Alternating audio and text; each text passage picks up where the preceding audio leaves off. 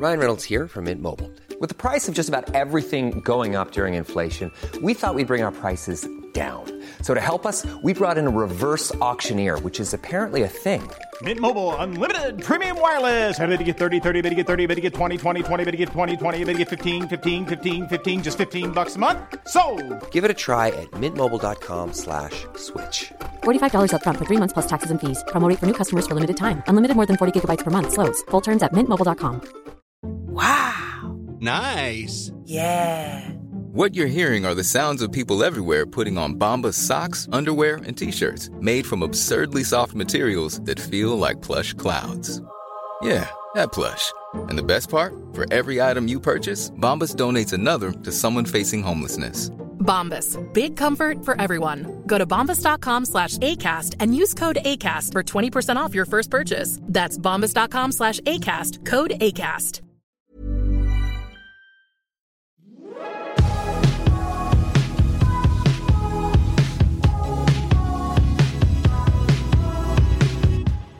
Du lyssnar på GVS ljudböcker. Kapitel 17 Förtvivlan När Cecilia kommer till kontoret sitter Lars och dricker kaffe och bläddrar i Dagens Nyheter. Han tittar upp över bågarna på sina bruna läsglasögon och säger God morgon. Hon häller upp en kopp kaffe med havremjölk och sätter sig vid bordet.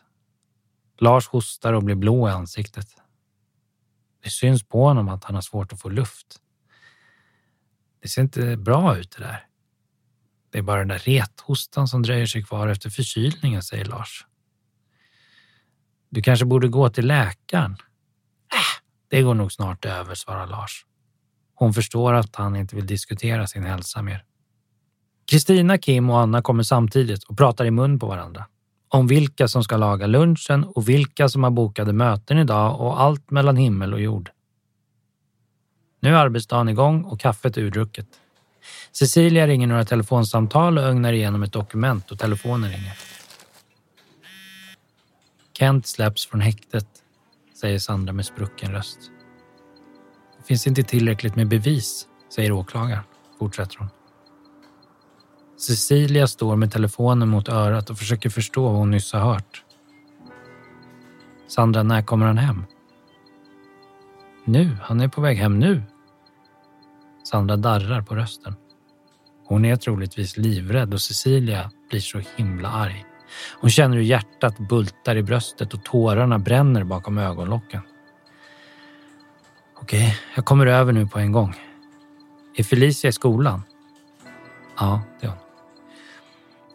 Jag åker från jobbet nu, är hos dig om tio minuter. Kram. Cecilia förklarar snabbt för Kristina om att Kent har blivit släppt från häktet och att hon måste vara hos Sandra när han kommer hem. Så rusar hon mot bilen och startar motorn med darrande fingrar. Hon känner en klump i halsen och vill bara gråta av ilska och vanmakt. Det här är så jävla fel. Hur i helvete kan det inte finnas tillräckligt med bevis? Läkaren har ju skickat in foton och rättsintyg och Cecilia och Erik ställer upp och vittnar. Vad mer behövs? Hon kör in på infarten till Sandras och Kents gula villa. Parkerar och går fram till ytterdörren och ringer på.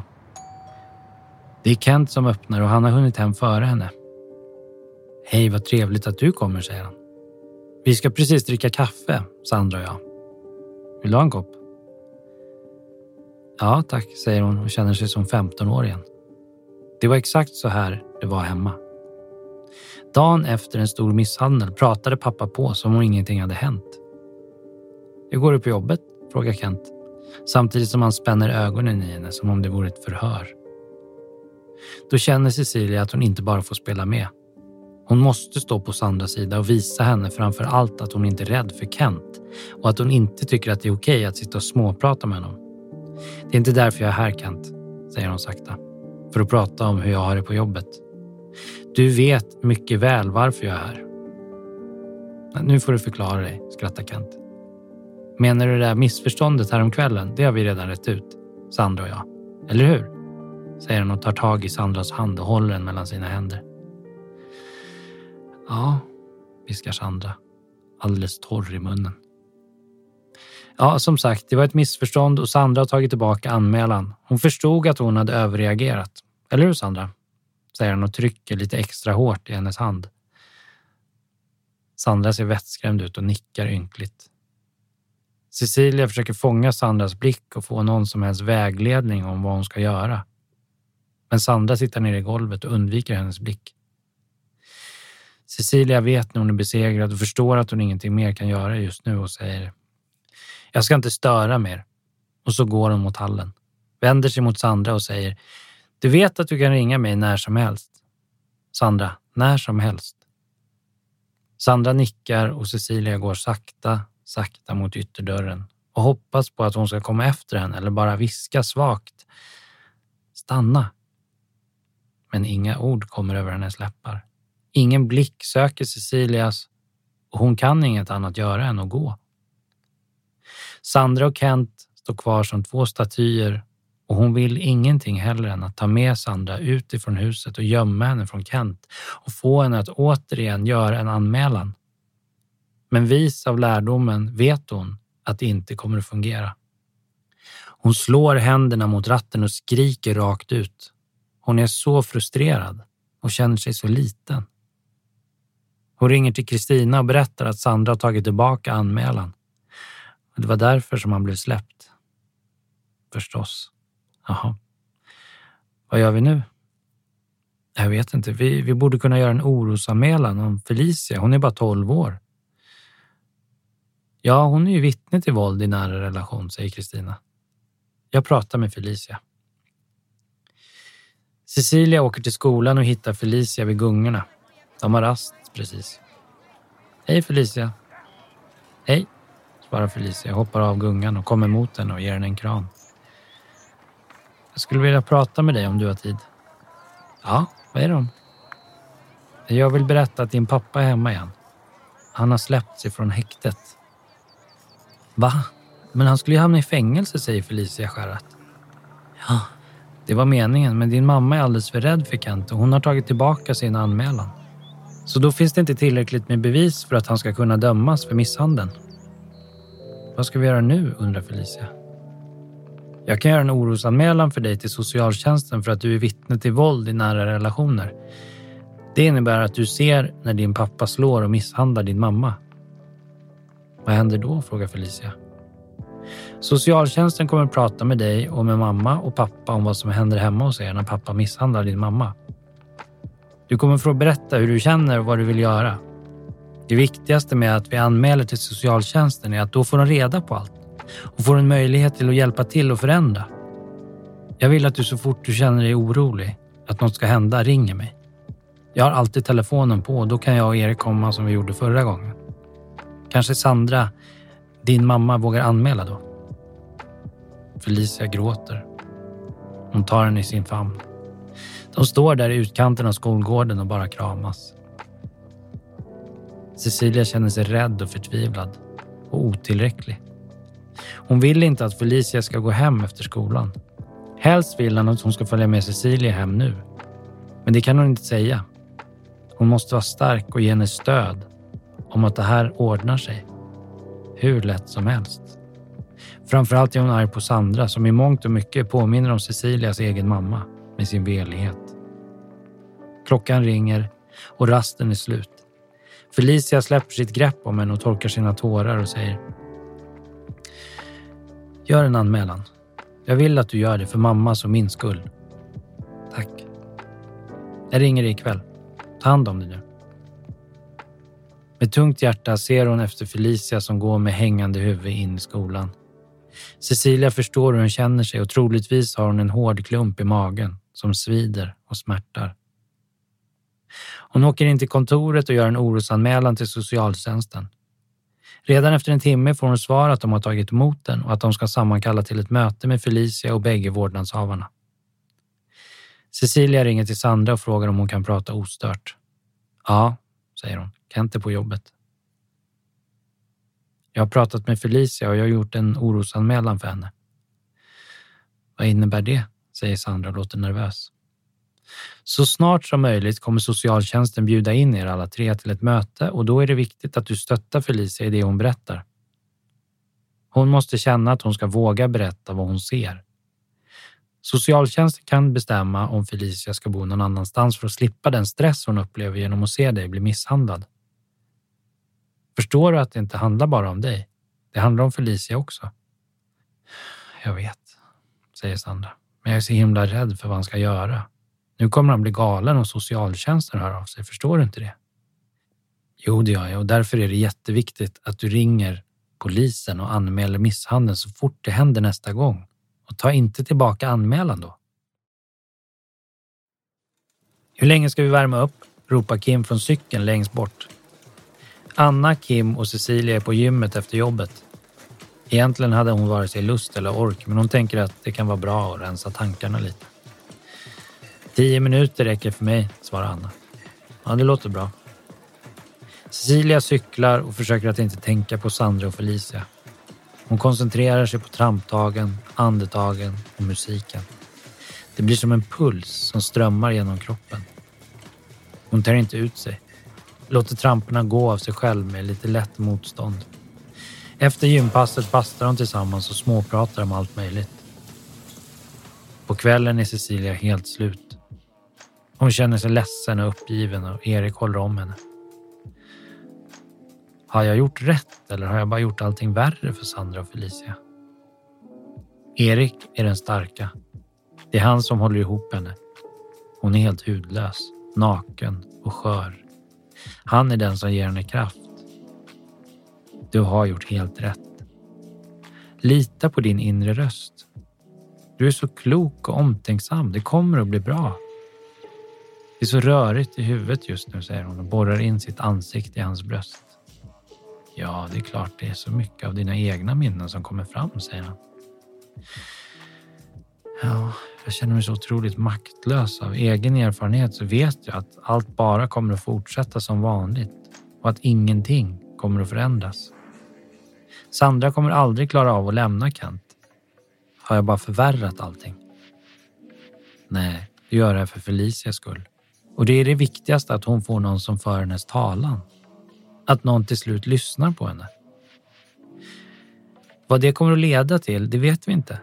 Men det kommer inte bli värre för att du har gjort en orosanmälan. Du har nog rätt. Det var så många gånger jag funderade på det som barn. Varför ingen någonsin frågade hur jag mådde? Vad jag ville eller om jag behövde någonting. Det som jag växte upp med var bara att gömma och skydda vår hemlighet för alla andra.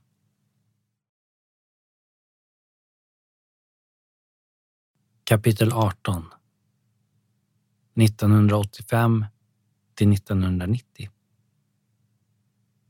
Erik kommer hem till Cecilia ibland och han har en lugnande effekt på pappa.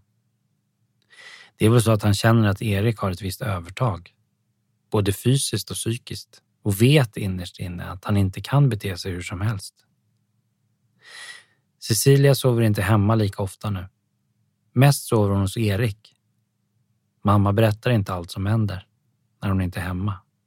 Men hon kan se nya bläckor och fladdrande blickar när hon frågar hur det är. Hon försöker intala sig att det har blivit lugnare. Att det inte är lika ofta längre, men innerst inne så vet hon att det är precis som det alltid har varit. Lika förutsägbart som oförutsägbart. Man vet med all säkerhet att pappa skulle få en snedtändning de gånger som han har druckit flera dagar i rad. Men ibland händer det på en fredag, utan att han har druckit på torsdagen. Då kan det ha varit att han haft något tjafs på jobbet eller att han trott att mamma varit ute och vänstrat, som han säger. Han är otroligt svartsjuk och har alltid en anledning att misstänka mamma för att vara otrogen. Nu är det ju så att Cecilias mamma överhuvudtaget inte har något umgänge med någon utanför familjen eller jobbet. Hon har inga vänner kvar. De har alla tagit avstånd när pappa har visat sin rätta sida. Så den chansen att hon träffar någon är ganska minimal. På jobbet är det nog inte så sannolikt att hon träffar på någon eftersom hon arbetar ensam natt på sin avdelning. Erik försöker vid flera tillfällen prata med henne. Att hon måste få mamma att anmäla misshandeln. Och visst försöker hon prata med mamma. Men hon har alltid samma argument. Det går inte. Det blir bara värre. Du måste ringa till mig eller till farfar om du är orolig över att något kommer att hända. Vänta inte tills han slår utan ring så fort du känner av att någonting är på gång, säger Cecilia till mamma när de sitter vid köksbordet och dricker te. Mamma snurrar på koppen och säger ja. Men Cecilia ser att hon inte menar det. Det händer att mamma ringer och Cecilia och Erik åker dit. Oftast när de kommer fram har pappa redan lugnat ner sig. Och Erik snackar med honom. Andra gånger kommer de mitt under misshandeln och Erik får slita loss pappa från mamma och lugna ner honom. Någon gång tar de med sig mamma och kör henne till farmor och farfar. De kommer bara för att släcka elden, men röken fortsätter att ryka och glöden glöder lika starkt som den alltid har gjort. Hopplösheten är ett faktum.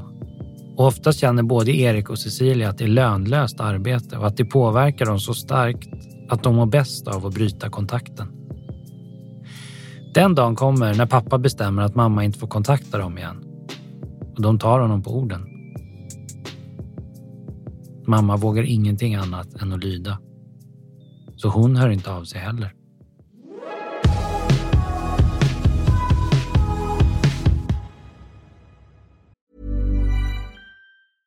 When you're ready to pop the question, the last thing you want to do is second guess the ring. At Bluenile.com, you can design a one of a kind ring with the ease and convenience of shopping online. Choose your diamond and setting. When you find the one, you'll get it delivered right to your door. Go to Bluenile.com and use promo code LISTEN to get $50 off your purchase of $500 or more. That's code LISTEN at Bluenile.com for $50 off your purchase.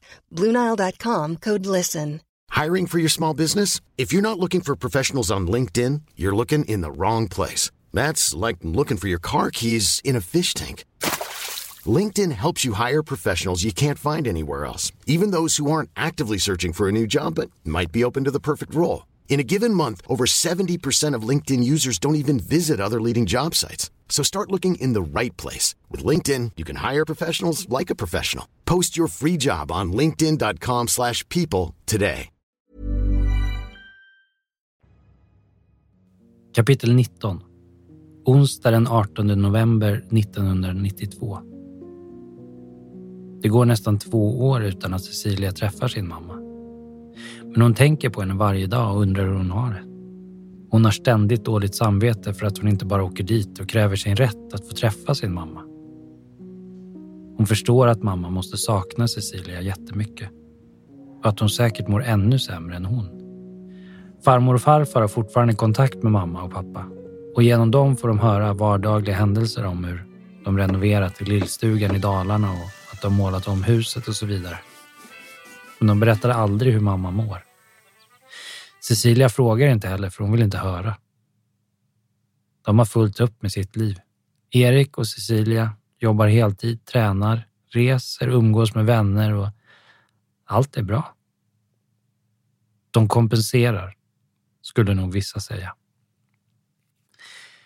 Cecilia och Erik har försökt att bli med barn i ungefär ett år och det visar sig inte vara det lättaste. Men så till slut uteblir mensen och brösten börjar ömma. Cecilia tar ett graviditetstest och det visar sig vara positivt. Äntligen ska de bli föräldrar och skapa sin egen lilla familj. De är så lyckliga. Jag är i tredje månaden och har redan gått upp fem kilo. Hur ska det här sluta? utbrister Cecilia. Ja, hur ska det här sluta? skrattar Erik och kramar henne och säger att hon är vackrast i världen. Ännu vackrare nu när hon är gravid. Cecilia ser sig själv i spegeln. Hon ser den lilla uppnäsan, de röda kinderna med fräknar på och den lite för stora munnen och smilgroparna. Hon ler mot sin spegelbild och säger Jag är vacker. Så skrattar hon lite åt sig själv. Men det är faktiskt så att hon känner sig vacker. Och det syns på henne hur lycklig hon är. De läser böcker om barnuppfostran, tittar på barnkläder, barnvagn och funderar på olika namn. Om det blir en flicka vill jag att hon ska heta Solveig, säger Cecilia bestämt och förklarar att det är ett sånt positivt namn och vår lilla dotter, om det nu blir det, ska alltid gå på den soliga vägen. Så tänker jag. Vårt barn ska aldrig behöva vara orolig över någonting här i världen. Hon ska aldrig behöva ligga sömnlös och lyssna när vi grälar. Hon ska vara trygg och lysa som solen själv. Ja, det är så fint, säger Erik. Och om det blir en pojke då, vad ska han heta då? Kevin kanske? Vad tycker du om det? Ja, det är jättefint. Vi får se om det passar när barnet väl är fött. Och visst är de oroliga för missfall och allt ont som kan hända, men inte har de väl tänkt att det skulle bli så här. En dag ringer plötsligt mamma. Cecilia kan knappt höra, men hon förstår att något fruktansvärt har hänt. Cecilia, viskar hon. Hjälp mig. Vart är du? Är du hemma? Ja, säger hon med tung andhämtning. Jag kommer, svarar hon och lägger på luren. Erik svarar inte så hon bestämmer sig för att åka själv. Hon ringer 112 och berättar att hon misstänker att det sker en misshandel och berättar lite om bakgrundshistorien och säger att hon är på väg dit och vill att de ska skicka en patrull. De bekräftar att de är på väg. Cecilia kör det fortast hon kan till mamma och pappa. Hon kommer fram före polisen. Tvekande står hon utanför bilen och tittar längs vägen utan att se någon polisbil. Hon kan inte bara vänta i ovisshet när hon inte vet hur mamma mår där inne. Hon hade verkligen låtit svag när hon ringde.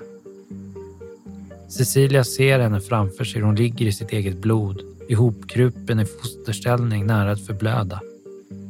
Hon tänker att polisen måste komma när som helst. Hon öppnar ytterdörren och går in i hallen.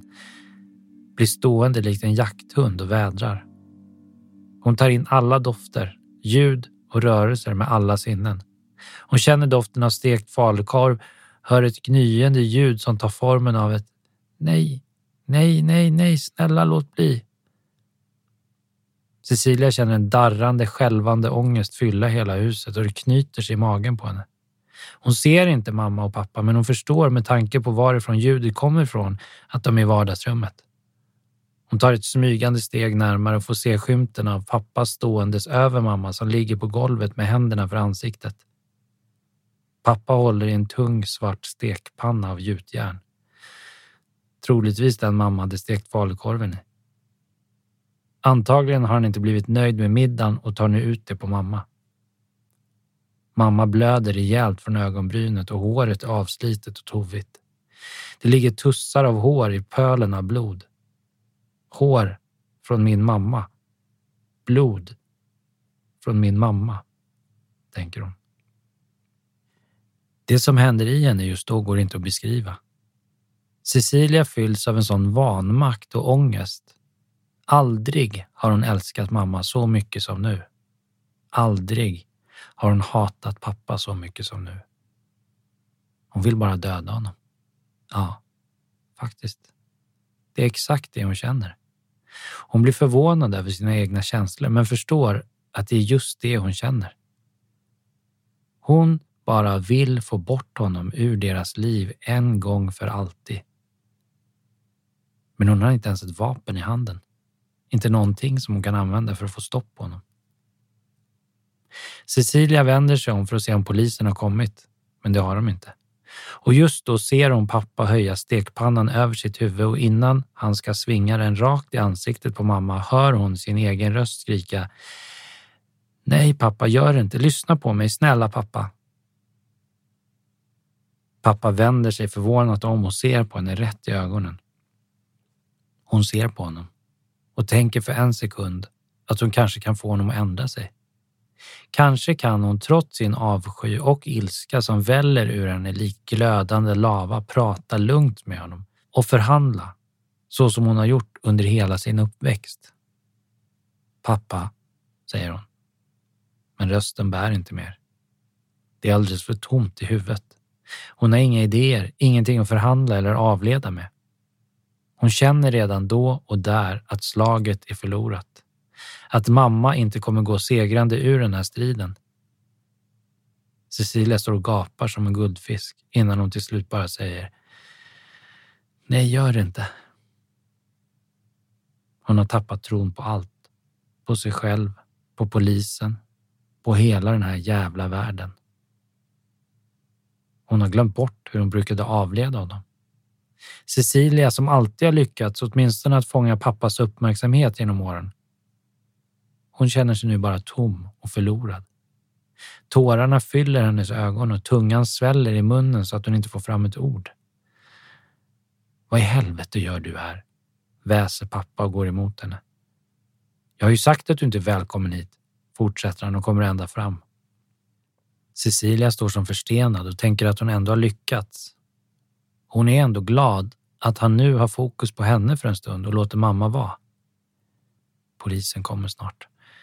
De borde redan vara här. Vad fan håller de hus? Ilskan och oron stegras inom henne hon ser hur pappa följer hennes flackande blick mot ytterdörren. Han vet att hon väntar på någon. Kanske tror han att det är Erik som ska komma.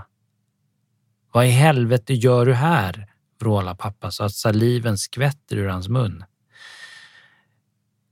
Jag ville bara se hur ni har det. Jag har saknat er, viskar hon svagt fram och försöker le. Jag är inte förvånad att du kommer hit och snokar, säger pappa. Men det kan jag säga dig, att vi har det mycket bättre nu när vi slipper se dig och din självgoda man. Cecilia känner hur hon trillar tillbaka i sin gamla roll på teaterscenen. Den avledande, mesiga, äckliga Cecilia. Henne som hon har förträngt och nästan glömt bort. Nu kommer hon sakta tillbaka och hon känner hur orden formas i hennes mun och bara så sockersöt och insmickrande lämnar den utan tvekan. Vad fint huset blev när du har målat om det. Trodde hon på riktigt att det skulle gå? Den lätta. Då känner hon inte pappa längre. För att avleda måste hon ha inlevelse och verkligen visa pappa att hon menar det hon säger. Hon måste ha en beundran i blicken och visa sin undergivenhet. Men kanske hon trots allt inte har den kvar längre. Hon kanske ändå inte är samma Cecilia som för två år sedan. Pappa tar tag i hennes hår innan hon hinner backa och vrider huvudet bakåt. Han spänner ögonen, de svarta elaka ögonen i henne och munnen är som ett hårt streck när han väser åt henne. Din ynkrygg. Du som var min egen dotter en gång. Det kan man inte tro. Mamma skriker. Nej, låt henne vara. Men det är som om hennes bedjande röst äggar honom ännu mer och ökar hans ursinne.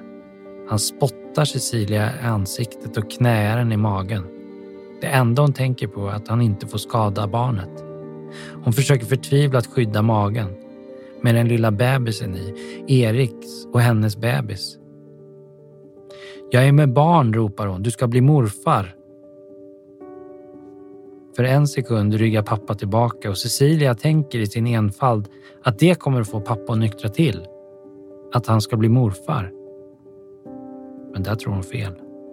Med förnyade krafter far han fram mot Cecilia likt ett odjur. Hon kryper ihop som en boll när den sista sparken kommer och den träffar henne en gång till rejält i magen. Luften går ur henne och hon hör mammas förtvivlade skrik. Det svartnar för ögonen. Hon faller till golvet och när hon vaknar ser hon en kvinnlig polis komma in genom dörren och hon tänker det här kommer inte bli bra. Hon kommer aldrig klara av pappa. Hur ska en sån liten tjej klara av honom? Men Cecilia får se hur hon utan att tveka går raka vägen fram till pappa och sätter handfängsel på honom utan att han så mycket som protesterar. Han bara låter sig fängslas och ledas ut genom dörren, ut mot polisbilen. Var det så lätt? Cecilia som i alla år haft en övertro på hennes pappa, att han var minst lika stark som Hulken. Här låter han sig ledas ut av en kvinna som når honom till axlarna.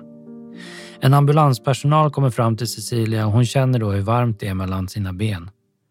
Hon tror först, eller vill tro, att hon hade kissat på sig. Men när hon tvingar sig att titta ner ser hon allt blod. Hennes värsta farhågor besannas. Och hon förstår att hon har fått missfall. Och då kommer tårarna. Då finns det ingenting som kan stoppa henne.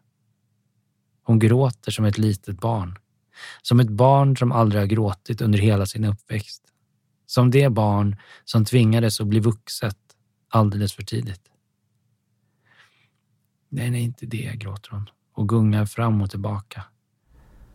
Ambulanspersonalen lägger en filt om henne och hjälper Cecilia och mamma ut i ambulansen för vidare färd till sjukhuset. Mamma tar henne i sin famn och vyssjar henne och säger Så ja Cissi, det kommer att bli bra. Hur fan ska det någonsin kunna bli bra? Erik kommer dit till sjukhuset och de är lika otröstliga båda två. Eller alla tre. Mamma också förstås. Cecilia anmäler pappa för misshandeln och får till och med mamma att anmäla honom. Det blir rättegång och han dömdes till ett års fängelse men kommer ut efter ett halvår. Och då flyttar han hem igen till mamma. Som om ingenting har hänt. Cecilia träffar mamma ibland efter det. Men varje gång mår hon så dåligt efteråt att hon bestämmer sig för att låta bli. Nu måste hon läka. Försöka bli hel och tänka på sig själv.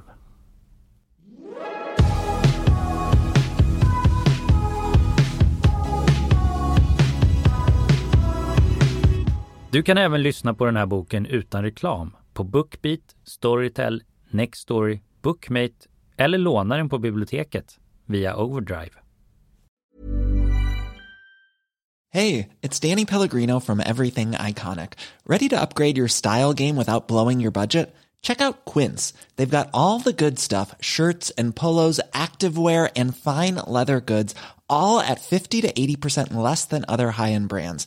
And the best part? They're all about safe, ethical, and responsible manufacturing. Get that luxury vibe without the luxury price tag. Hit up quince.com slash upgrade for free shipping and 365 day returns on your next order. That's quince.com slash upgrade. Even when we're on a budget, we still deserve nice things. Quince is a place to scoop up stunning high end goods for 50 to 80% less than similar brands. They have buttery soft cashmere sweaters starting at $50 luxurious Italian leather bags, and so much more. Plus, Quince only works with factories that use safe, ethical, and responsible manufacturing. Get the high-end goods you'll love without the high price tag with Quince. Go to quince.com/style for free shipping and 365-day returns.